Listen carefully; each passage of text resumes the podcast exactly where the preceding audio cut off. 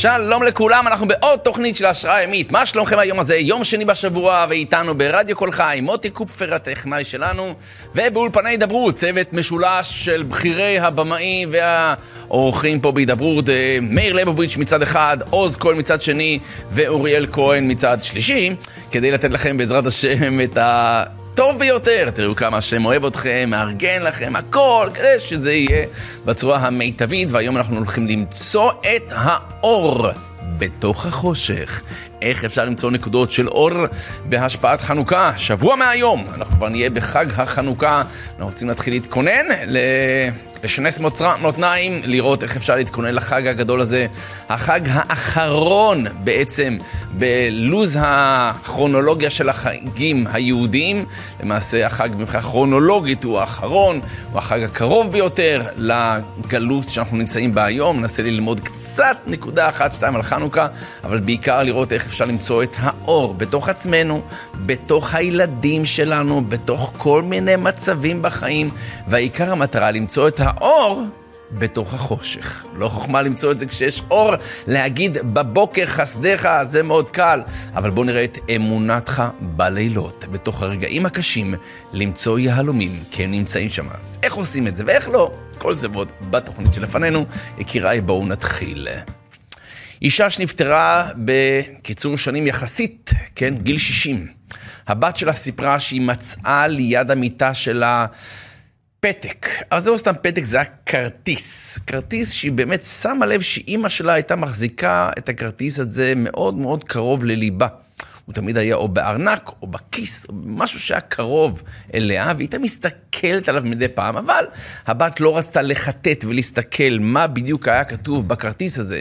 אבל אחר שהאימא נפטרה ועשו סדר במטלטליה, בדבריה, מצאו את הפתק הזה, את הכרטיס הזה.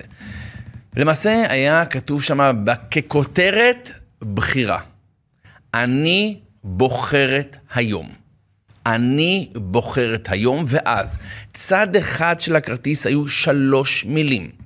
כעס, מרירות וטינה. מעבר, תהפכו את הכרטיס, צד שני של הכרטיס, אני בוחרת היום ככותרת, שלוש מילים אחרות לגמרי, הודאה, תקווה ואמונה. והבת אמרה שהאימא כל הזמן הייתה מסתכלת על הכרטיס הזה, ומפנימה לעצמה, יש לי בחירה. באיזה צד של הכרטיס את מתבוננת עכשיו? האם אני מתבוננת בכעס, במרירות, בטינה, כעס למה דברים לא הולכים כמו שאני רוצה, למה המרירות, למה זה דווקא קורה לי, לשמור טינה בלב על מי שעשה לי, מה שלקחו לי וכן הלאה, אפשרות אחת. אבל באותה מידה, באותו זמן, יכולה להפוך את הכרטיס ולהתבונן בהודעה, לראות כמה טוב יש סביבי, כמה גרוע פוטנציאלית זה יכול היה להיות. תקווה, לדעת שבעזרת השם בסוף כל חושך יש אור. גם אם חס ושלום הסיפור לא נגמר כמו שאני רציתי, אבל הוא ודאי יסתיים כמו שהקדוש ברוך הוא רצה, וזה ודאי יהיה לטובה. אז הודאה מצד אחד, תקווה מצד שני, והבסיס להכל, אמונה מצד שלישי. לדעת שאין מקרה בעולם, כל דבר פה מדוד ושקול ואין אדם נוקף אצבע מלמטה, אם לא מכריזים עליו מלמעלה, וזה היסוד שצריך ללוות כל אחד מאיתנו באשר הוא. ביום-יום, באופן הכללי, לחפש את הטוב בתוך הרע. לזהות את האור בתוך החושך. וכידוע, הסיפור הידוע שאצלנו בפרשה, כאשר יוסף יוצא למסע חייו עד גיל 17, היה בחממה רוחנית וגשמית, הבן המועדף שאצל רחל אימנו, הבן שהוא בן זקונים של יעקב אבינו. תחשוב, יש לך אבא, יעקב אבינו, אימא רחל. אתה, אתה די מסודר בחיים, מה שנקרא, יש לך 12, 11 אחים גדולים ממך, אז בסך הכל החיים יפים, החיים הם טובים, אבל הנקודה העיקרית היא כאן, בשלב מסוים הכל מתהפך. כאשר יש השתלשלות של דברים, שאבא במידה כזו או אחרת מעדיף אותו על שאר האחים ועושה לו כתונת פסים, הוא מתחיל לראות דברים ומוציא דיבתם אל אביהם, הוא חולם חלומות, ובעקבות ההשתלשלות של הדברים האלה, הוא נזרק לבור, וחז"ל אומרים שהבור ריק, אין בו מים, אבל לא, לא היה בו מים, אבל היה בו נחשים ועקרבים, כידוע, ומפה הידרדרות עד שאול תחתית, שהוא נמכר לעבד, הוא נזרק לכלא 12 שנה בפנים. לא הייתי נותן תקווה לילד כזה, אבל יוסף לא בכדי נקרא יוסף הצדיק, בניגוד לשאר, אנחנו לא מכירים בתורה עוד אנשים שנקראו צדיק אה, בתנ"ך, אבל לא בתורה, לא בתורה, ולכן הנקודה העיקרית מבחינתנו זה לדעת יסוד אחד מאוד פשוט. כאשר יוסף נזרק למצרים, והוא מועבר מיד ליד, מסוחרים לישמעאלים, למדיינים, בשלב מסוים אורחת הישמעאלים שלוקחת אותה, אותו, כולם מכירים את הפסוק הזה, יוסף יורד מצרימה, והנה אורחת ישמעאלים באה מגלעד, וגמליהם נושאים נחות וצורי בלות. הולכים להוריד מצרימה. מה זה נחות, צורי, בלות? כידוע, אלו הם בשמים. למרות שבדרך כלל הם היו נושאים איתם דברים פחות מריחים טוב, כמו נפט או אה, כל מיני דברים שמריחים לא טוב. כאשר יוסף יורד למצרים, הם מורידים בשמים. למה? כי מה שנקצב, נקצב. ואם לא נקצב ליוסף להריח לא טוב, אז הוא לא יריח ריח לא טוב. מה, עד רזולוציה כזאת תחשוב מה, על מה אתה מדבר? הבן אדם נזרק לבור, הוא עבר טראומת ילדות לכל חייו עכשיו. הוא יש לו, יהיה לו פוסט-טראומה מנחשים ומעקרבים, תבין, והוא גר במדבר, במצרים, מה, מה יהיה איתו? הוא הולך להימכר לעבד, הוא יהיה 12 שנה בכלא. הריח הזה, זה מה שמשנה? תשובה, כן. אבל אם התורה כותבת את זה, תבינו שהתורה לא מבזבזת מילים. אם התורה כותבת לנו את זה, זאת אומרת שזה שיעור אדיר עבורנו. בכל מצב שאתה יורד מצרים, בסדר? תנסה לחפש דברים טובים, קודם כל בעצמך, אחרי זה באחרים, ודבר שלישי, בכל מצב בחיים. זה העבודה שלנו לכל אחד מאיתנו, וזה המיוחד בחג חנוכה, ככה מסבירים חז"ל, כאשר הנס חנוכה, בלי להעליב את הנס עצמו, הוא נס מזערי לעומת ניסים גרנדיוזיים שהיו לעם ישראל, כקריעת ים סוף, עשרת המכות, אפילו מן שהיה 40 שנה במדבר, בלי לזלזל בנר הזה שדלק שמונה ימים, היה נר מערבי שדלק בבית המקדש כל הזמן. כאילו, בוא, אתה יודע, זה לא, עוד נדבר על זה בהמשך. אבל המיוחד היה, זה מה שחז"ל מסבירים, שהנס הזה, אלוקים מאיר אותו דווקא בתקופה מאוד חשוכה של סוף עידן הניסים הגלויים בעם ישראל. כבר אין ניסים גלויים. יתרה מכך, יוון נקראת חשיכה. חושך שירד על פני תהום, זה חז"ל מסבירים שבין השאר זו תקופת יוון. יוון הם שלוש אותיות שיורדות כלפי מטה, י' ו' נ', צלילה כלפי מטה, טיט היוון, בעצם איזושהי תביעה בתוך עולם הטבע, ולכן פה דווקא אז אנחנו מגלים נקודה קטנה של אור, שרוצים לציין אותה לדורות, איתה רוצים לעשות פרסומי ניסה, איתה אנחנו נגיד הלל שלם מהודיה, גם על היום הראשון של עצם המציאה של ה... פח שמן, וזה השיעור עבורנו, לא משנה באיזה מצב אתם נמצאים, בואו נחפש משהו טוב. אבל לא רק במצב, אלא גם בעצמנו ובאחרים.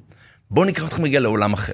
כיוון שחנוכה זה זמן של חינוך, יש לנו שזה, על שם, זה השם של החג, חג חנוכה, מלשון חנוכת המזבח, מלשון חינוך, אנחנו רוצים לחנוך פה משהו. אז כידוע, בפסח, אנחנו לוקחים את זה טיפה אחורה, היו ארבעה בנים בהגדה, נכון? לא קשור לעכשיו, אבל כן קשור תמיד בחיים. יש ארבעה בנים שכנגדם דיברה התורה. התורה נתנה לנו כותרת של ארבעה בנים, כאשר יש לנו את הרשע, את החכם, את התם, ושאינו יודע לשאול. ובדרך כלל נהוג להסתכל על זה כארבעה בנים שונים, וכל בן צריך את התשומת לב המיוחדת שלו, את התשובה שצריכים לתת לו, וכן הלאה. אבל בעלי המוסר הם מביאים שאת ארבעת הבנים הללו אפשר למצוא בכל אחד ואחת מאיתנו. לכל אחד מאיתנו יש איזשהו בן חכם, שאתה יודע, אפילו הרבה מתייעצים איתך או איתך, יש לך תובנות מאוד עמוקות וחכמות, אבל בד בבד, כמעט יד ביד עם אותו בן חכם, יש לנו גם פן של בן רשע. שרוצה תאוות, רוצה שטויות, רוצה לנוח, אין לו כוח לעשות מה שצריך לעשות, נהדר. יש לו מבחינה גם של תמימות, של איזה בן תם, או אפילו שלא יודע לשאול, אני אפילו לא יודע מה אני רוצה מעצמי, מה שנקרא, בסדר? אז הארבעה בנים האלה יש לכל אחד מאיתנו, והשאלה היא, שימו לב טוב, מי נמצא בפרונט? מי נמצא בחזית קדמת הבמה, שהוא בעצם נראה לי שהוא מייצג את כולם. אז יש אנשים שהחכם הוא בפרונט אצלם, ואנחנו מאוד מעריכים אותם, ומאוד מוקירים אותם, ואז חס ושלום, פתאום אתה שומע שהוא עשה משהו של בן רשע, ואתה אומר, יואו, איך זה יכול להיות? איך יכול להיות? תשובה, בן הרשע הזה תמיד היה, רק בשלב מסוים, אתה יודע, הוא הזיז טיפה את החכם, תן לי שנייה את קדמת הבמה, וזה מה שצף על פני השטח. והנקודה העיקרית עבורנו, זה גם אנחנו נפגשים עם איזה בן רשע, וזה לא משנה אם זה בן פיזיולוגי שלנו, הכוונה היא בן ביולוגי שלנו, או תלמיד שלנו, או אדם שסביבנו, או אנחנו. בואו ננסה להבין שבכל אחד מאיתנו יש גם בן חכם. ככה מביאים חז"ל, שבכל אחד מאיתנו, שימו לב טוב, יש פח שמן זך, שאי אפשר לטמא אותו, לא משנה מה האדם עשה. לא משנה אם כל היוונים שבעולם יטמאו את כל השמנים. הם עשו עבודה יסודית, הם לא השאירו שום פח.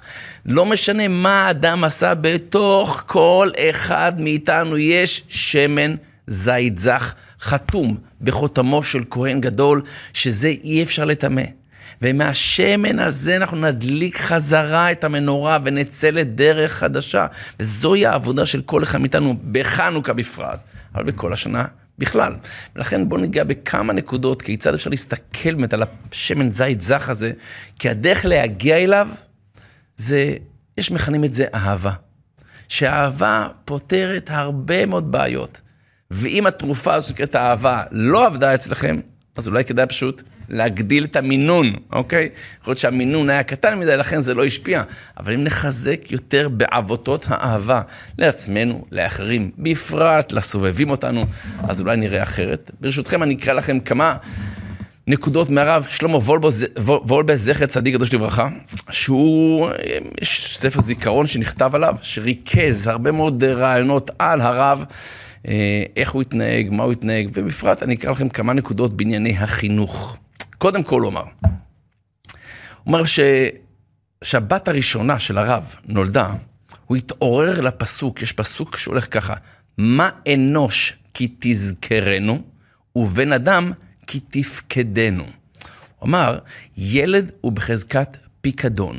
פיקדון שנותן לנו הקדוש ברוך הוא על מנת לחנכו ולגדלו לעבודת השם. כל ילד קיבלנו כפיקדון. במידה מסוימת, אם אני מבין נכון, פיקדון הוא לא שלי, כן? פיקדון זה מישהו נותן לי כך, שמור לי על זה, תטפל לי בזה, תדאג לזה. אבל זה לא שלי. ממילא אומר, שלצערנו הרב אומר, ילד הוא פיקדון שנותן לנו הקדוש ברוך הוא לחנכו, לגדלו, לעבודת השם. וכמה צורם לשמוע שהילד כביכול, זה הילד שלי. מה זאת אומרת? הוא אומר, יש לגישה הזאת השלכות גדולות. ברגע שאני מרגיש בעלות על הילד, מה שנקרא, אז הוא אומר, יש הרבה מאוד השלכות. הוא אומר, למשל, הרגשת בעלות ואדנות, שכביכול, אני אדון שלו, שגורמת לדרוש כבוד. סליחה, הוא צריך לכבד אותי. אמרתי משהו, זה אמרתי משהו. נהדר שהילד מורד במלכות, והכל באצטלה של חינוך. פה הרב נוגע בנקודה עדינה, שלפעמים אני מרגיש, זה שלי, מה שנקרא, מגיע לי. צ... הוא צריך לכבד אותי, סליחה, מה זה הדבר הזה? ושוב אני אומר, זה לא רק בנושא של חינוך ילדים, זה לגבי כל דבר שאדם מסתובב בעולמו עם הרגשה, מגיע לי, סליחה, זה שלי. אתה יודע, כאילו כל העולם חייב לך משהו. וזה מרשם בדוק לסכסוכים, זה מרשם בדוח לכעסים, לתסכולים, למרירות. אני חוזר על הכרטיס, אתה יכול לבחור כעס, מרירות, טינה, אתה יכול להפוך את הכרטיס להודאה, לתקווה, לאמונה. תבחרו על מה אתם מתמקדים.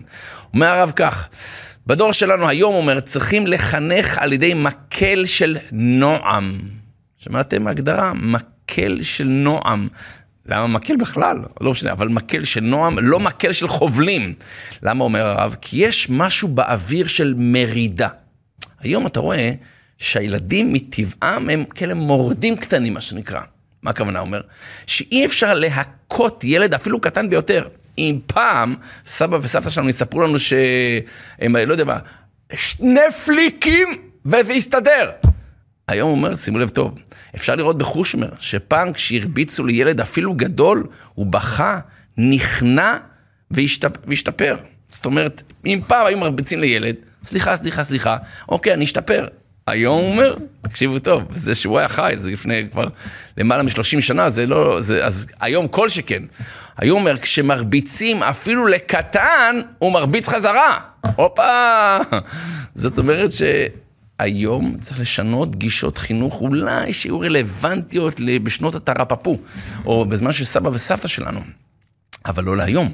אז אני חושב שזה נכון לגבי הרבה דברים. מה זאת אומרת?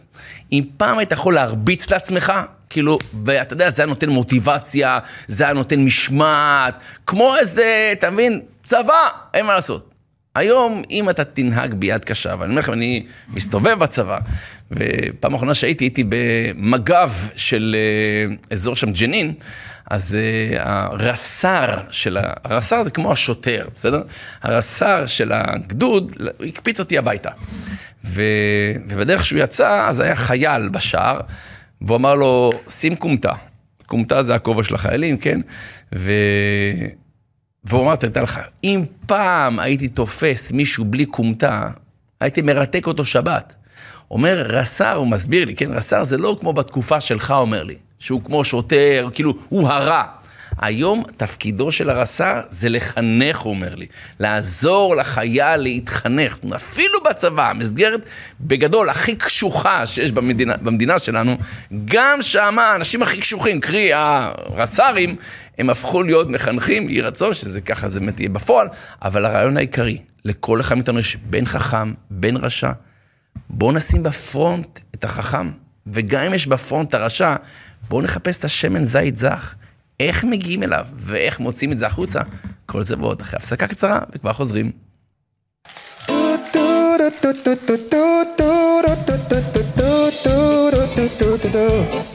איפה אתם?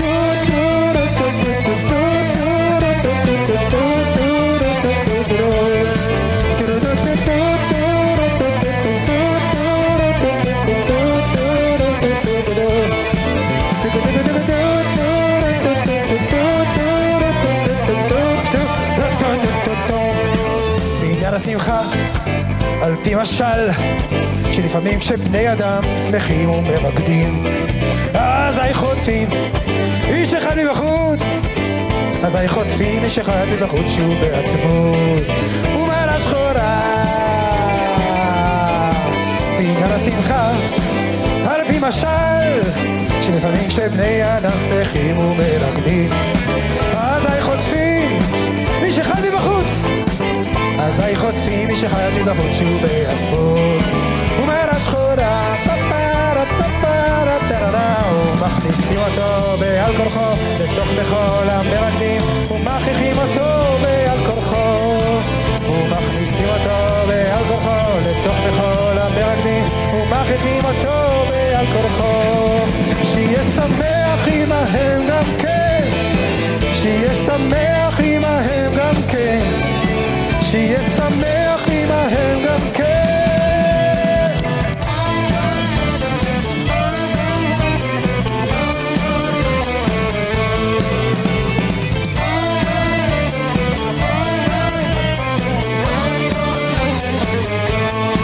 כן, יש גם כן, בעניין השמחה, כשאדם שמח אבל השחורה והייסורים. כן, יש גם כן, השמחה כשאדם שמח אמר השחורה והייסורים מסלקים מן הצער אבל מעלה יתרה להתאמץ לרדוף אחרי המרה שחורה להכניס אותה גם כן בתוך השמחה. אבל מעלה יתרה להתאמץ לרדוף אחרי המרה שחורה להכניס אותה גם כן בתוך השמחה שתתהפך בעצמה לשמחה. שתתהפך בעצמה לשמחה. שתתהפך בעצמה לשמחה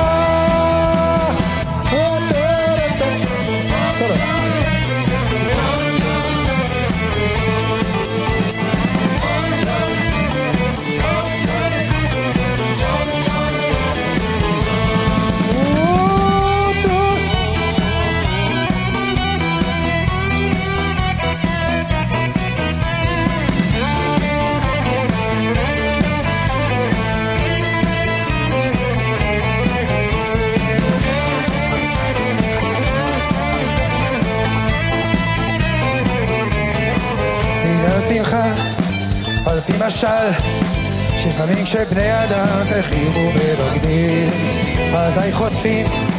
איש אחד בחוץ, אזי חוטפים איש אחד בחוץ שהוא בעצמו, ומעלה שחורה, ומכניסים אותו בעל כוחו, תוך מחול המרקדים, מכריחים אותו בעל כוחו. ומכניסים אותו בעל כוחו בתוך מחול המרקדים מכניסים אותו במקהלה לו שיהיה שמח עמהם גם כן שיהיה שמח עמהם גם כן שיהיה שמח עמהם גם כן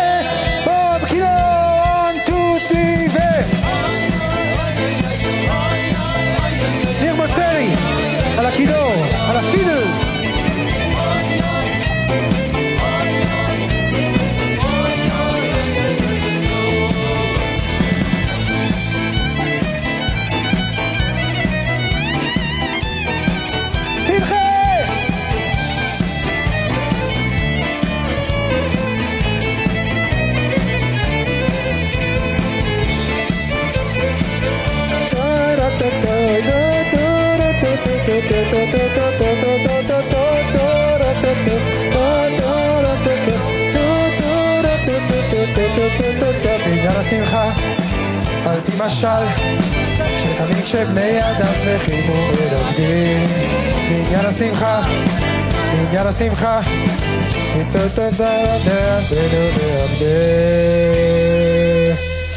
בעניין השמחה. תודה רבה שחזרתם אלינו, והיום אנחנו לומדים uh, קצת למצוא את האור בתוך החושך, בסדר? חושך יכסה על פני תהום, זה המציאות שקורית להרבה מאיתנו, פתאום יש איזה עננה של כדרות, יש כאלה מצבים שהעננה לא עוברת, מה קורה עם הרוח? שקצת uh, תזיז את העננה, אבל במידה ואנחנו נמצאים גם בתוך עננה, בואו נחפש פח שמן זית זך.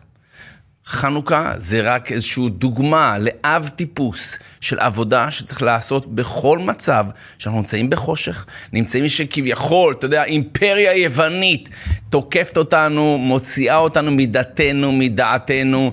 אה, אתה יודע, נותנת לך חשק ש, שהכל אבוד והכל הרוס, אבל אתה רואה שקומץ אנשים, זה הרעיון שלנו להתחיל, להתכונן כבר לחנוכה, כי שבוע מהיום זה יהיה חנוכה, קומץ של חשמונאים הולכים ועושים את הבלתי יאומן, אבל מוצאים משהו שבעצם נמצא אצל כל אחד מאיתנו. וזו נקודה של שמן זית זך. נקודה שאי אפשר לטמא אותה, גם אם אדם מגיע לשאול תחתית, ובואו לא נשכח את זה, כדי שמשם נוכל לצמוח, להבדיל, אבל ברמה הפיזיולוגית, חז"ל הרי מגלים שיש דבר שנקרא עצם לוז, שתחיית המתים תהיה ממנה, אז בפן הרוחני נגדיר את זה כששמן זית זך, איזושהי בחינה של בן חכם קראנו לזה. זאת אומרת שבכל אחד מאיתנו יש איזשהו ארבעה בנים, והשאלה מי בפרונט. וישנם ילדים, ישנם מתבגרים, ישנם אנשים שאולי בפרונט זה הבן הרשע, אבל אם נחפש טוב, יש לכל אחד, מדגיש, לכל אחד מאיתנו את הבן החכם, צריך לגעת בו, לעורר אותו, ולגעת בבן החכם זה דרך עבותות של אהבה, או איך שמגדיר את זה הרב וולבה, זכר צדיק קדוש לברכה, אה, בדרכי החינוך שלו. המקורות שנתתי לכם זה בספר שנקרא אבני שלמה, ספר זיכרון על הרב שלמה וולבה זצ"ל, כידוע בעל העלי שור, והוא כותב שם שהיום בדור שלנו צריך מקל של נועם, הוא מגדיר את זה, ולא מקל של חובלים. זאת אומרת, גם רוצים ליישר את הבעל חיים, אז צריך לתת לו מקל של נועם ולא מקל של חובלים, כי אנחנו, הוא אומר, יש אווירה של מרידה באוויר, והמרידה הזאת, אם אנחנו לא נדע לטפל בה נכון, היא תלך לכיוונים הרסניים, הרס עצמי בראש ובראשונה, ואחרי זה גם זה הרס סביבתי, וזה נכון לגבי חינוך הילדים שקיבלנו אותם כפיקדון, אבל באותה מידה גם החיים שלנו הם פיקדון. בינינו, הנשמה שקיבלנו אותה, בידך הפקיד רוחי, פדיתה אותי השם כל אמת, אנחנו אומרים את זה לפני שאנחנו נרדמים בלילה, אנחנו מקבלים חזרה, אלוקים מחזיר לנו... נשמות אתגרים מתים, שמחזיר לנו חזרה את הפיקדון, וזו הנשמה שלנו, אז בואו נתייחס אליה בהתאם, הן לנשמה, הן לגוף, סתם הערה כללית. אם היה לכם סוס ששווה מיליון דולר, אתם יודעים, יש כזה תחרויות, מרוצי סוסים. אם היה לך סוס ששווה מיליון דולר, היית נותן לו לעשן כל הלילה? היית נותן לו לאכול junk food? היית נותן לו כאילו לזלזל בעצמו וכדומה?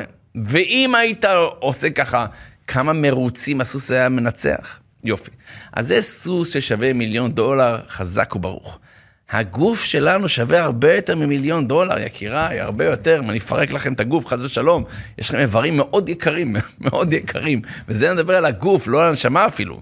אז בואו נתייחס לעצמנו לא פחות מסוס שווה מיליון דולר, ונדאג לעצמנו, אנחנו צריכים את עצמנו פה לאורך זמן, אז למה אנחנו עושים את זה לעצמנו? נותנים לעצמנו לראות שטויות, לאכול שטויות, לעשות שטויות. זה פוגע אמנם גם בנשמה, אבל גם בגוף. אז המכונית שאנחנו בעצם צריכים לנסוע איתה, אם היא לא מטופלת, אתה רואה שרכב צריך לטפל בו כל עשרת אלפים קילומטר, פחות או יותר, אז גם עם הגוף שלנו צריכים לשמור עליו ברמה כזו או אחרת, וזה דברים חשובים, אבל זה לא הנושא שלנו כרגע.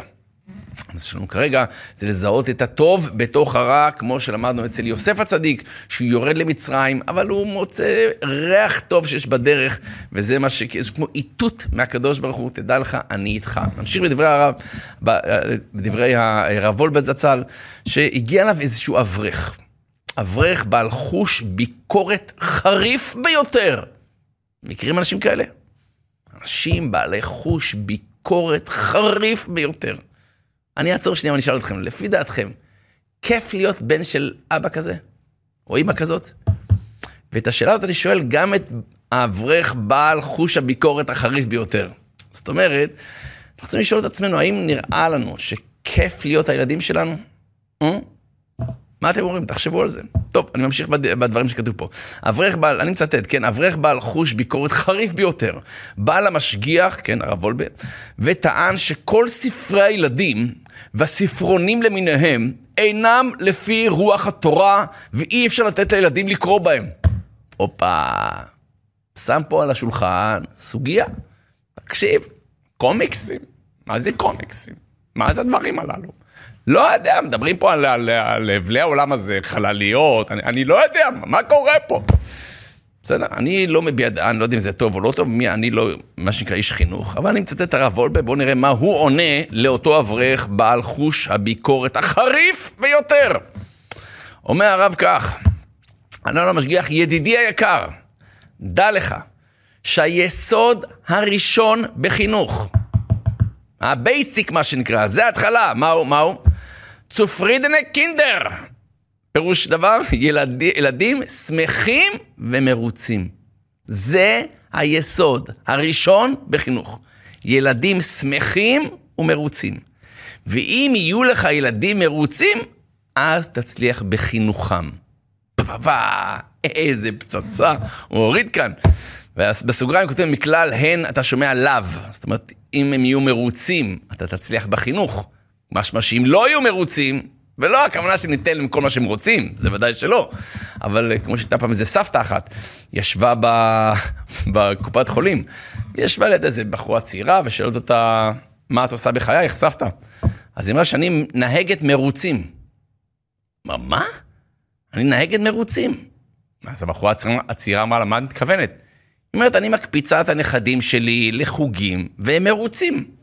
אז אני נהגת מרוצים. טוב, אבל הרעיון העיקרי מבחינתנו, זה להבין שאנחנו צריכים למצוא את השמן זית זך הזה, יקירה, את הבן החכם, את ה... אל תסתכלו על מה שאומר בפרונט, אל תסתנוורו מחיצוניות, הרי זה מה שאנחנו תמיד אומרים, נכון? יוון זה חיצוניות, זה תרבות הגוף וכדומה, אז בואו לא נסתכל על החיצוניות. גם לא החיצוניות ההתנהגותית, יש משהו בפנים. בתוך כל אחד מאיתנו, ואני מדגיש, הילדים זה רק דוגמה, בתוך בעלך יש משהו כזה. הרב לא נראה לי. אני אומר לך, יש, לך, יש לו כזה דבר מאה אחוז. בתוך אשתך, בתוך הבוס שלנו בעבודה, בתוך כל... המשגיח, ראש הישיבה, המנהל בסמינר, בתוך כל אחד יש את השמן זית זך הזה, יש את הבן החכם, לא להתפעל מאיזושהי חיצוניות, אלא לחפש את הנקודה הזאת והדרך להגיע אליה, אמרנו זה אהבה. בואו נסיים דבר אחד לפני האחרון, שהרב וולבה כתב את זה כהסכמה. לספר, לספר של הרב נתן חיים איינפלד, אה, זה היה קונטרס חנוך לנער, הוא כותב כך, יסוד ההצלחה, מקודם אמרנו שזה היסוד לחינוך, פה זה יסוד ההצלחה בכל חינוך. כותב כך, יסוד ההצלחה בכל חינוך הוא, מה? שהמחנך יאהב את המחונכים באהבה אמיתית. הופה. יסוד ההצלחה בכל חינוך. זאת אומרת, היינו צריכים לבדוק, להבדיל, אני לא יודע מה, כמו שבודקים לחץ דם, היינו צריכים לבדוק כל מורה, כל מורה, כל רבה בחיידר. אה, לחץ, אבל לא לחץ דם, לחץ רמת אהבה שהוא אוהב את התלמידים. אה, יפה מאוד, יהי רצון. ככל שרמת האהבה, אבל הוא כותב פה אהבה אמיתית, לא, אתה יודע, באספת הורים, כל הילדים חמודים, הוא ילד מקסים, מאוד משתדל. יפה, באספת הורים אנחנו לא רוצים להסתבך עם ההורים. כי כשאתה רואה את ההורים, אתה אומר, אהה, הבנתי בדיוק איך יצא הילד, שיהיה בריא או שהם יהיו בריאים וכן הלאה. אבל אומר פה הרב, שימו לב טוב, אני מצטט, הרב וולבק כותב את זה בהסכמה לאחד הספרים, יסוד ההצלחה בכל חינוך שהמחנך יאהב את המחונכים באהבה אמיתית, שהמחונכים מרגישים בה. עוד פעם, עוד אוסיף עוד נדבך, לא רק שזה תהיה אהבה, לא רק אהבה אמיתית, אלא זה לא מספיק שיהיה לי אהבה, וכמו שבעל אומר לאשתו, אני אוהב אותך, אבל אני לא מרגישה את זה, זה לא יעזור לי שאתה אומר לי, אוקיי? לא רוצים פה דיבורים, רוצים שהצד השני ירגיש בזה.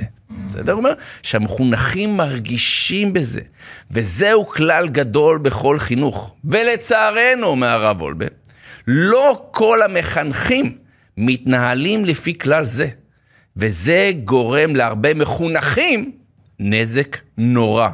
וואו וואו, איזה מילים כדורבנות, אה? אנחנו רואים שלא כולם, לא כל המחנכים, בואו נלמד זכות שמן הסתם רוב המחנכים, מי שהולך לעסוק בחינוך, מן הסתם אצלו מידת האהבה כלפי המחונכים היא גבוהה מעל הממוצע, אחרת הוא לא היה הולך, היא לא הייתה הולכת להיות מחנכת או מחנך. בואו נגיד, בואו נח, בוא נחליט בינינו שזה ככה, בסדר?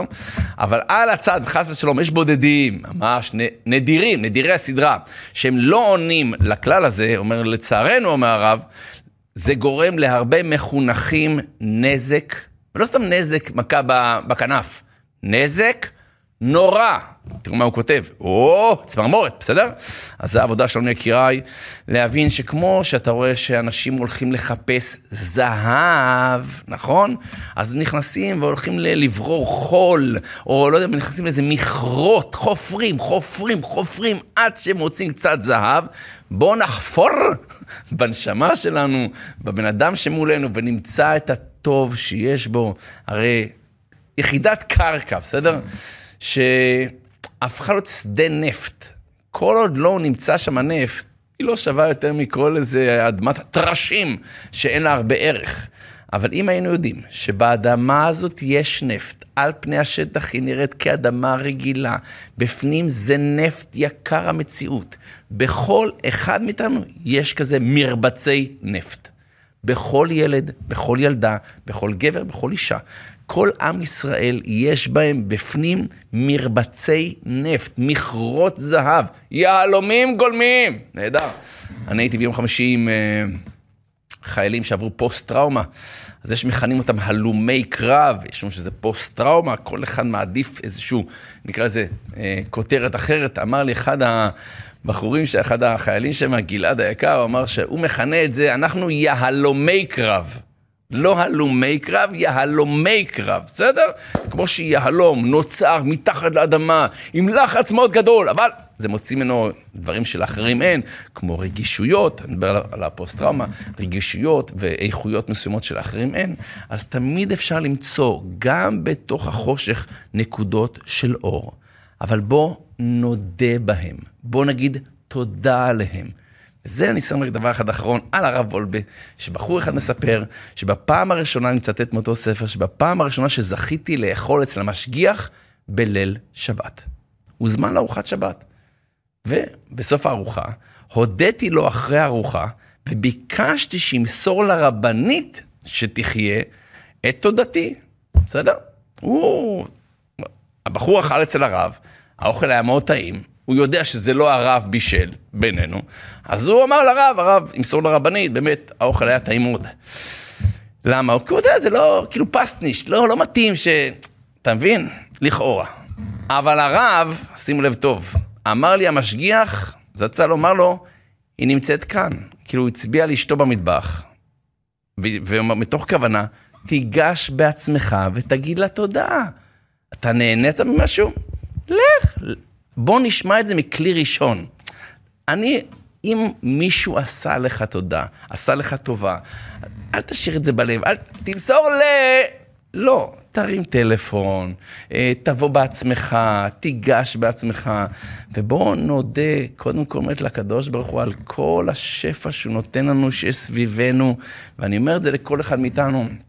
כי תזכרו את זה תמיד, על מה שאתם מתמקדים, זה מה שגדל. ואם אני מתמקד ברע כל הזמן, בכמה לא טוב לי, בכמה חוסר צדק יש בעולם, למה זה קורה לי, תזכרו את הפתק שאיתו התחלנו ואיתו נסיים. קחו לעצמכם כזה פתק. ואני בוחר היום או עכשיו, יש לכם שלוש אפשרויות, שלוש מילים של כעס, טינה או מרירות, או תהפכו את הכרטיס, תקווה, הודיה ואמונה. מה שתבחרו, זה מה שתרגישו. עד כאן להיום. תודה רבה למוטי קופפר הטכנאי, לצוות שלנו פה בהידברות, ואנחנו נתראה ונשתמע בעזרת השם מחר, אבל מי שאיתנו בווידאו, תשארו, כי יש אורח מאוד מעניין. כל טוב, להתראות.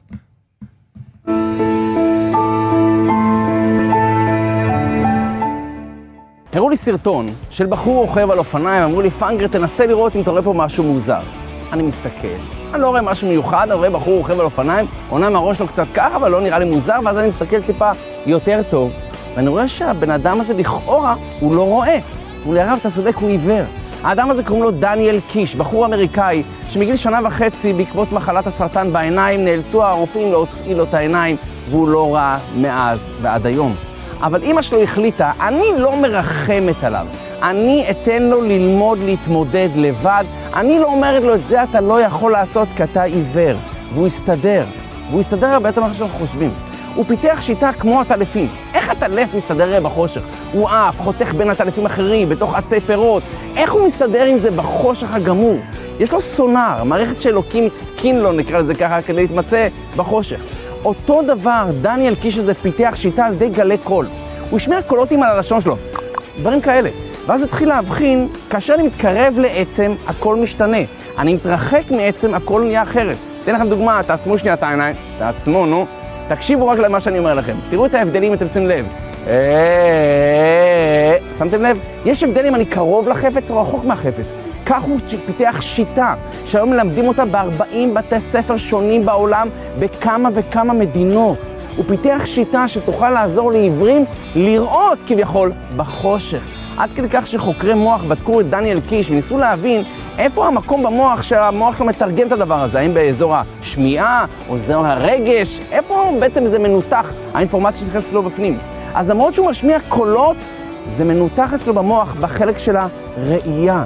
הוא כאילו רואה דרך האוזניים, דרך הקולות. למה אני אומר לכם את זה? שתי סיבות עיקריות. סיבה אחת, תראה מה זה. אדם פתאום נוחת עליו כזו מכה, לא לעולם מישראל, עיוורון, מה, זה אתגר לא פשוט בכלל. אבל אתה רואה שבשלב מסוים, אם הוא לא יוותר לעצמו, הוא ימצא דרכים איך להסתדר. רק צריך לדעת, אמנם לעזור לו, ברור, אבל גם במידה מסוימת לא לעזור. לעזור את האדם העיוור, לכל אחד מאיתנו. אנחנו כל רוצים לעזור לילדים שלא היה להם קשה, אבל במידה מסוימת מנוונים אותם. כל אחד מאיתנו צריך לדעת להתמודד עם קשיים, לפי היכולות שלו. אבל הדבר השני שחשוב לדעת, שאתה אומר שאלוקים נתן לו מכה כביכול, נקרא לזה ככה אתגר, בתחום מסוים, אבל הוא צ'יפר אותו במקום אחר. תבדקו את זה. תמיד שאלוקים כביכול נותן חיסרון במקום אחד, יש יתרון במקום אחר. תחפשו את היתרון. אדם שלא רואה טוב, אז הוא שומע יותר טוב. תמיד זה ככה בחיים. בכל מצב, תחפשו לא איפה שקשה, איפה שאתה קיבלת יתרון בעקבות הקושי. תמצאו את זה, יהיה יותר קל. בהצלחה.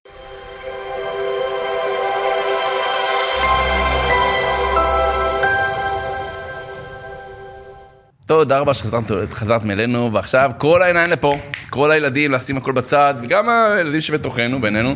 היום איתי שלמה דניאל הורוביץ, או שלמה מהחיות, אוקיי? החיות של שלמה. החיות של שלמה. ואנחנו נפגוש היום כל מיני בעלי חיים, נשמע קצת עליהם, איך אדם בא ומתחיל לגדל איזה מאה סוגי בעלי חיים. תקשיב, אני הבאתי ארנב הביתה, כמעט מצאתי עצמי בחוץ, אוקיי? חתול שנכנס אליי הביתה, כאילו, אוקיי, מה, איך אפשר לגדל, מה, איך מסתדרים, איך המשפחה מסתדרת. איך הופכים את זה לכלי טיפולי לילדים ולעצמנו? בואו נשמע את זה ממנו. בוקר טוב שלמה, מה שלומך? בוקר אור, שבח לאל, תודה לשואל. א', תודה רבה שבאת אלינו. תודה לכם. מנוקדים הרחוקה, נכון? נוקדים הקרובה הרחוקה. בגלל הפקקים. כן. תספר לי קצת, איך מגיע אדם מן השורה לגדל כל כך הרבה בעל חיים? איפה גדלת? מה?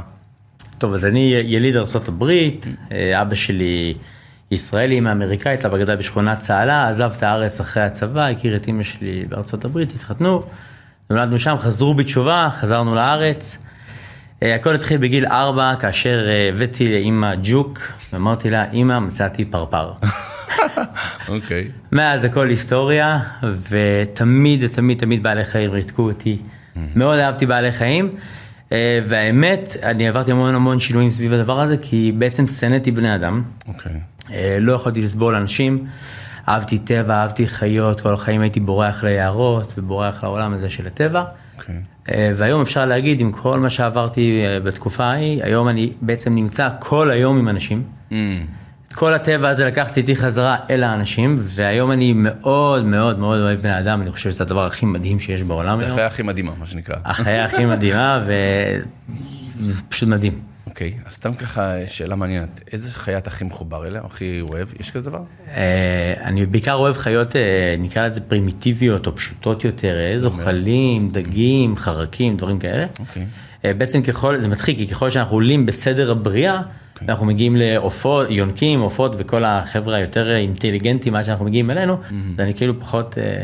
אה, פחות מתחבר. פחות מתחבר. אני אוהב, מה- אולי יש בזה משהו שורשי יותר, שהוא יותר אה, קדמוני, שהעולם היה טהור יותר ונקי יותר. מעניין, מעניין. זה מחבר אותי לשם. עכשיו, כל בעל חיים זה עולם בפני עצמו, צריך לדעת מה הוא אוכל, כמו איזה נוח בתיבה כזה, אתה מבין? וזה מנסה מאוד מורכב, איך איך מצליחים? לומדים, אתה עם הזמן לומד לומדים. כל בעל חיים, מה הוא בעל? חיים לומד. תראה, היום זה כבר ברמה שיביאו לי בעל חיים, גם אם אני לא מכיר אותו, אני יכול לדעת לפי מבנה הפה שלו, מבנה השיניים, Mm. צורת הגוף שלו, איפה הוא חי, מה הוא אוכל, גם אם אני לא מכיר אותו. אוקיי. אה, אבל כמובן שלומדים עם הזמן להכיר כל חיה. היום אתה לוקח בעצם את הבעלי חיים גם לשימוש, להראות לילדים, כן. למבוגרים. היום אני בעצם אה, עושה מופעים עם בעלי חיים לילדים בכל הארץ. אוקיי.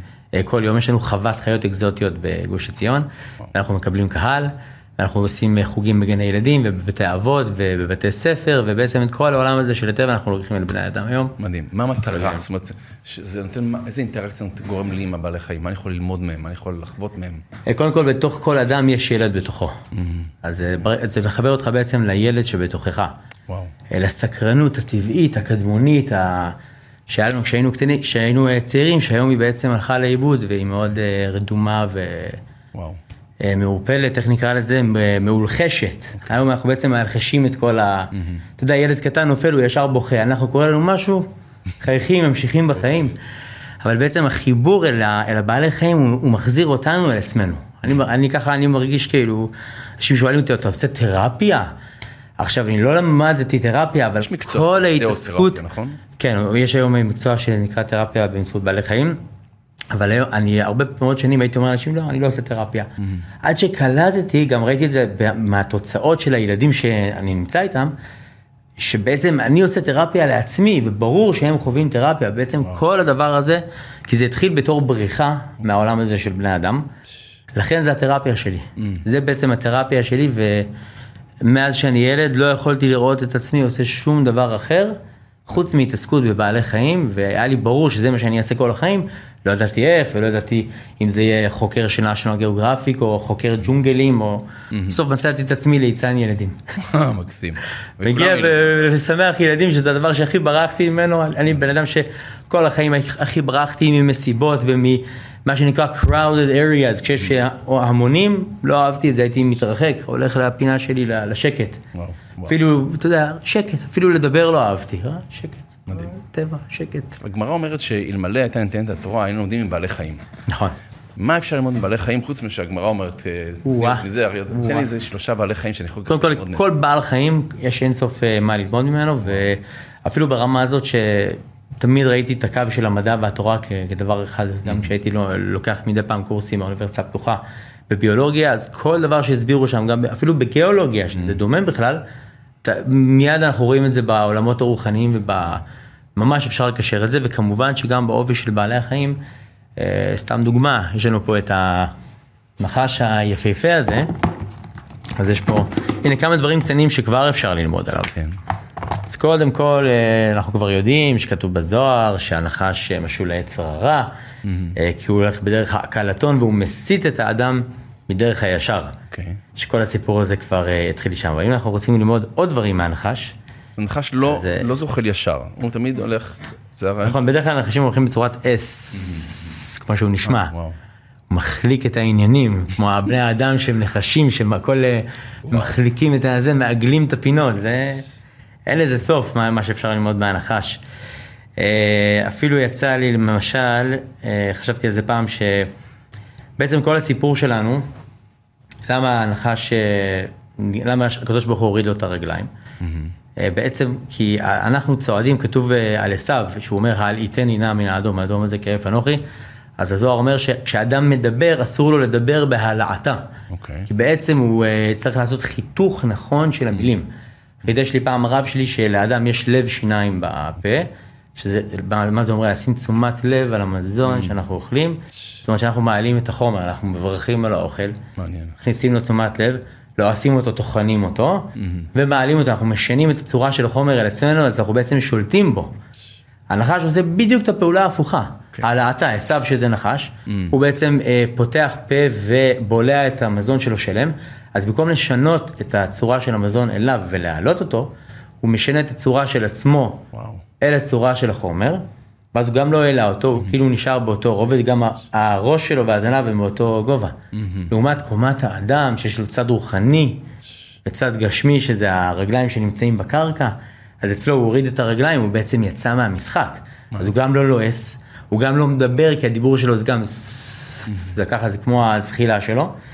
אה, ובעצם אה, גם ההליכה היא, היא דומה ללעיסה, כשאדם דש ברגליו, אז אה, מעניין. עולה הר למשל, זה כמו שבכל ה... בתורת המזרח, אז הם אומרים שככל שבן אדם מטפס יותר והולך יותר בהרים, אז הוא בעצם, הוא, הוא מתטהר יותר, והוא מתקן את עצמו יותר, אבל זה גם אצלנו, שאומרים שאדם צריך להזיע, בזיעה שהאדם מזיע ביום שישי לקראת שבת, אז זה, זה מכפר לו על עוונותיו. נכון. בעצם המאמץ שלנו בעולם על ידי הליכה, טיפוס, כל מה שקשור לרגליים, זה התיקון שלנו, כמו שכתוב בזיעת אפיך תאכל לכם, זה קשור לזיעה, זה קשור למאמץ, אז כל זה אנחנו בעצם רואים אצל הנחש. מעניין. מה הוא זה אוכל? היה על רגל אחת, אין לו רגליים, כן, אבל זה היה... מה הוא אוכל הנחש הזה? אז הנחש זה בולע עכברים, זה הקטן? גדול יהיה? כן, כמובן כתוב שמזנו עפר, אומרים לי, מה הוא אוכל עפר, הוא אוכל חול. אז כמובן שזה גם קשור למה שדיברנו, כי אנחנו שמים תשומת לב למזון שאנחנו אוכלים, אבל הוא לא שם- תשומת לב, כי הוא לא, אין לזה משמעות, כי עפרא דערא, זה עפר, אין לזה משמעות למזון שלו. הוא בולע אותו ב... קטן שכזה אוכל עכברים? הקטנצ'יק הזה בולע עכברים. כן. אה, אבל מתים, או או חיים. אה, חיים, תופס? אותם, חונק אותם. בולע אותם, יש לנו גם נחשים של חמישה מטרים אצלנו בחווה. כולל אנקונדות וחבריהם. וואו. אבל הוא אוכל פעם ב, נכון? הוא אוכל פעם בשבוע, יש נחשים שאוכלים פעם בחודש, יש נחשים שאוכלים פעם בחצי שנה. אפילו פעם בשנה נחשים יכולים לצום לפעמים תקופות אה, וואו.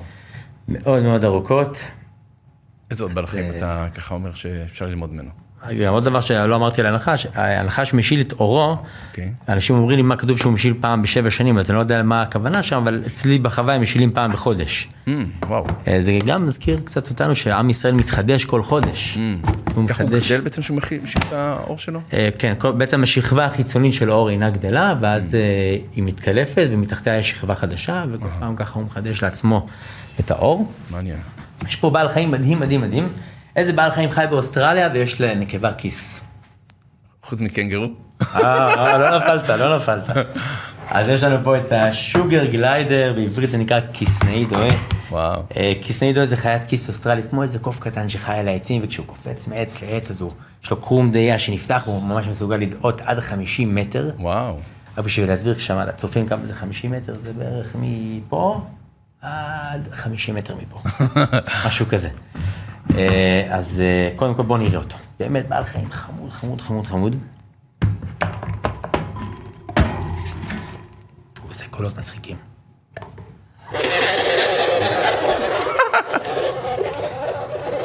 אז זה אה, רציני, זהו? זה שוגי. זה הרעש שהוא עשה? לא, עיניי, כן. יש עוד כמה בפנים. אז זה שוגי, זה חבר שלי, כן, הוא אה, אוהב להיכנס מדי פעם לזקן או לחולצה. יש פה את אה, פלוקי, פלוקי שזה הבן שלו, וואו. יש פה את שוגית, וואו. ויש פה את שוגה אשתו. עכשיו, הבעל חיים הזה, קודם כל בואו תראו את הקפיצה, אנחנו נעשה לו ככה. נעשה לו, רגע. אחת, שתיים ושלוש. לא פעל. אחת, שתיים ושע, שע, שע, שופצ'י. וואו. כל הכבוד, כל הכבוד. עכשיו, לא- אה, הוא לא מעריך. מה שאפשר, אני לומד הרבה מהבעלי חיים האלה. אוקיי. הייתה לי תקופה בחיים שהתאמנתי לנינג'ה. אוקיי. לנינג'ה ישראל, ו... וואו. עכשיו, למה? כי יש לי פחד גבהים. הייתי גם צנחן בצבא, אבל יש לי פחד אוקיי. גבהים. יפה. עכשיו, אה, אז בעצם אה, אחד מה- מהאתגרים הכי קשים שלי היו כשהייתי צריך להתנדנד ממוט למוט, ופשוט לרחב באוויר כדי להגיע למוט הבא. אוקיי. אז התחלתי להתנדד במרחק אה, של אה, 40 סנטימטר, מאוד מאוד פחדתי מהרגע הזה שאתה צריך לעזוב מוט, שאתה, חצי שנייה שאתה באוויר בלי כלום, אוקיי. עד שאתה מגיע למוט הבא. בסוף גם הגעתי לקפיצות של שתיים וחצי מטר, וואו. כי לאט לאט מתגברים, אבל בעצם הבעל חיים הזה, הוא היה ההשראה שלי בסיפור הזה. כי אומנם בטבע הם יכולים להגיע בקפיצה אחת ל-50 מטרים, אבל אני מאלף אותם למופעים, ואצלי בחוויה הם נמצאים בכלוב והם לא מאולפים ל... אוקיי. הם לא רגילים לקפיצות הארוכות האלה, אז הייתי לוקח אחד כזה צעיר, מרגיל אותו אליי קודם כל וזה, ואז הוא כמובן תמיד רוצה לחזור הביתה לקופסה, כי הם פעילי לילה, אז הוא רוצה לחזור לפה לישון, כמו שעכשיו הם הלכו לישון בחולצה שלי, כמו שאתה רואה. אז הייתי מקרב אותו קצת לקופסה, הוא היה מריח את הקופסה, וחוזר. כל פעם הייתי מרחיק ממנו את הקופסה, ואז יום אחד הוא מבין שהוא לא יכול ב... פעם אחת על הוא צריך לתת את הקפיצה. אפילו שהוא בנוי לקפיצות של 50 מטר, הוא מפחד. וואו. הוא מפחד. אז הוא היה מת... מהסס, מהסס, מהסס, אה, חצי קפיצה כזה, וככה עד שהוא היה למד לקפוץ, כל פעם הייתי קצת מרחיק, קצת מרחיק, קצת מרחיק, קצת מרחיק, כל פעם היה מהסס, בסוף הוא היה יודע שהוא מסוגל לזה, עד שהייתי מגיע איתם גם לאיזה שתיים וחצי מטר במופע. וואו. אז לא לחמישים, כי בסוף טבע זה טבע, כן. אבל uh, בעצם למדתי מהם שגם הם פוחדים, ויש להם אבל את היכולת.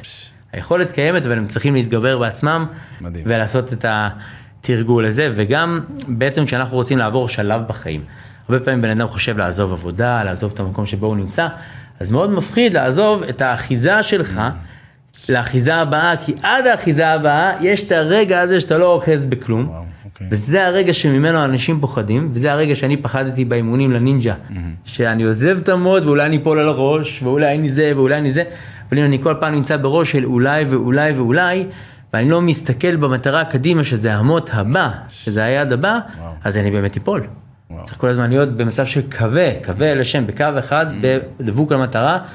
לא להיות כמו הנחש, הנה זה מסתדר לנו עם הנחש, שמסיט אותך למקומות אחרים ואז אתה נופל. וואו. שיער בקו ישר אל המטרה. אפילו לא חשבתי שהם מתחברים בסוף, אבל הנה, מדהים. שהם אה, מתחברים. מדהים. עכשיו, החיות האלה בעצם חיות שלא כל אחד יכול לגדל אותן, נכון? זה חיות, חלקן מוגנות או חלקן... אה, חיות, כן, רוב החיות בר אצלנו בחוויה הן חיות בר מוגנות, שצריך, אה, מצריך היתר מיוחד מרשות הטבע והגנים כדי לגדל אותם. ספציפית החברים האלה, מותר לגדל אותם. אה, וואו. יש אנשים שקונים אותם, מגדלים אותם בתור חיות לחמן. קשה לגדל אותם? אם תסתכל באינטרנט, כולם יכתבו קשה, מסובך, צריך ניסיון, צריך פה, צריך שם, לא קשה לגדל אותם. אוקיי. זה ממש לא קשה לגדל אותם, צריך כן להכיר פחות או יותר את הכללים. אבל יש איזה קטע ברשת החברתית שכל אחד כותב באתר שלו כאילו הוא המציא את החיה הזאת, ושלא תעז להביא לו זה, שלא תעז שיאכל לזה, וזה נהיה שם איזה... מעניין. כן. צריכה, הם כבר מתרבים? צריכים להתרבות או ש... אצלנו מתרבים, יש לנו כמה קבוצות אה, גידול. לדעתי יש לנו בחווה אולי 30 כאלה. וואו. אולי 40 אפילו, אני לא לא עוקב. מדהים. מה הם אוכלים? סתם מעניין. אה, הם אוכלי קול, צמחים שונים כולל צמחים רעילים, פירות, צוף של פרחים, אה, בעיקר חרקים. ביצים, גוזלים. קליפטוסים, מאוד אוהבים לאכול קליפטוסים. אז תן לי טיפ אחד אחרון. אה, אדם שרוצה לגדל בעלי חיים, מה, צריך איזשהו, איזשהו טיפ כללי שאפשר לזכור אותו? שאלה קצת מורכבת, כי זה, לא הייתי אומר על רגל אחת, אבל, אבל כשאתה, אם כבר אתה שואל, אז הייתי אומר סבלנות, מילת המפתח, סבלנות. וואו. כי באמת, כל יש, אנחנו רגילים לגדל את הרוב בני האדם, רגילים לגדל כלב, חתול ואוגר. כלב, חתול ואוגר, אתה שם לו מים, אוכל, רואה שהיה נקי לו, והכל בסדר. טיולים, קצת פוצ'י מוצ'י, בסדר. אבל יש בעלי חיים שנגיד הזוחלים. אני כשהייתי ילד גידלתי פעם ראשונה איגואנה. אני זוכר שבמשך חודשים הייתי בוכה עם דמעות, שאיגואנה שלי לא מסכימה לאכול. וואו. פותח לה את הפה ומכניס לה אוכל בכוח שהיא לא תמות לי, עד שלמדתי שהבעלי חיים האלה צריכים את השקט שלהם. הם נכנסים טיפה לסטרס, הם רואים שאתה בסביבה, אז הם פשוט לא יאכלו עד המוות. הם לא רוצים אותך באזור שלהם, זה ממש ללמוד כל דבר זה מצריך הרבה סבלנות. תודה רבה. שלמה ואחיות, ואחיות של שלמה, אה, תחפשו אותם, תראו מאה- למעלה מ-100 סוגים שונים של בעלי חיים בחווה אצלם בנוקדים, ואפשר להזמין גם לאירועים החברתיים שלנו, לגנים, לבתי הספר, או לבתי אבות אפילו. יהיה רצון שנלמד מבעלי חיים ונזכור להתייחס גם אלינו וגם לסובבים אותנו בצער בעלי חיים, לרחם גם עליהם ולדאוג להם. אז תודה רבה שלמה שהיית איתנו. תודה רבה. לכם, ונתראה משתמע בעזרת השם בתוכנית הבאה. אז כל טוב ולהתראות.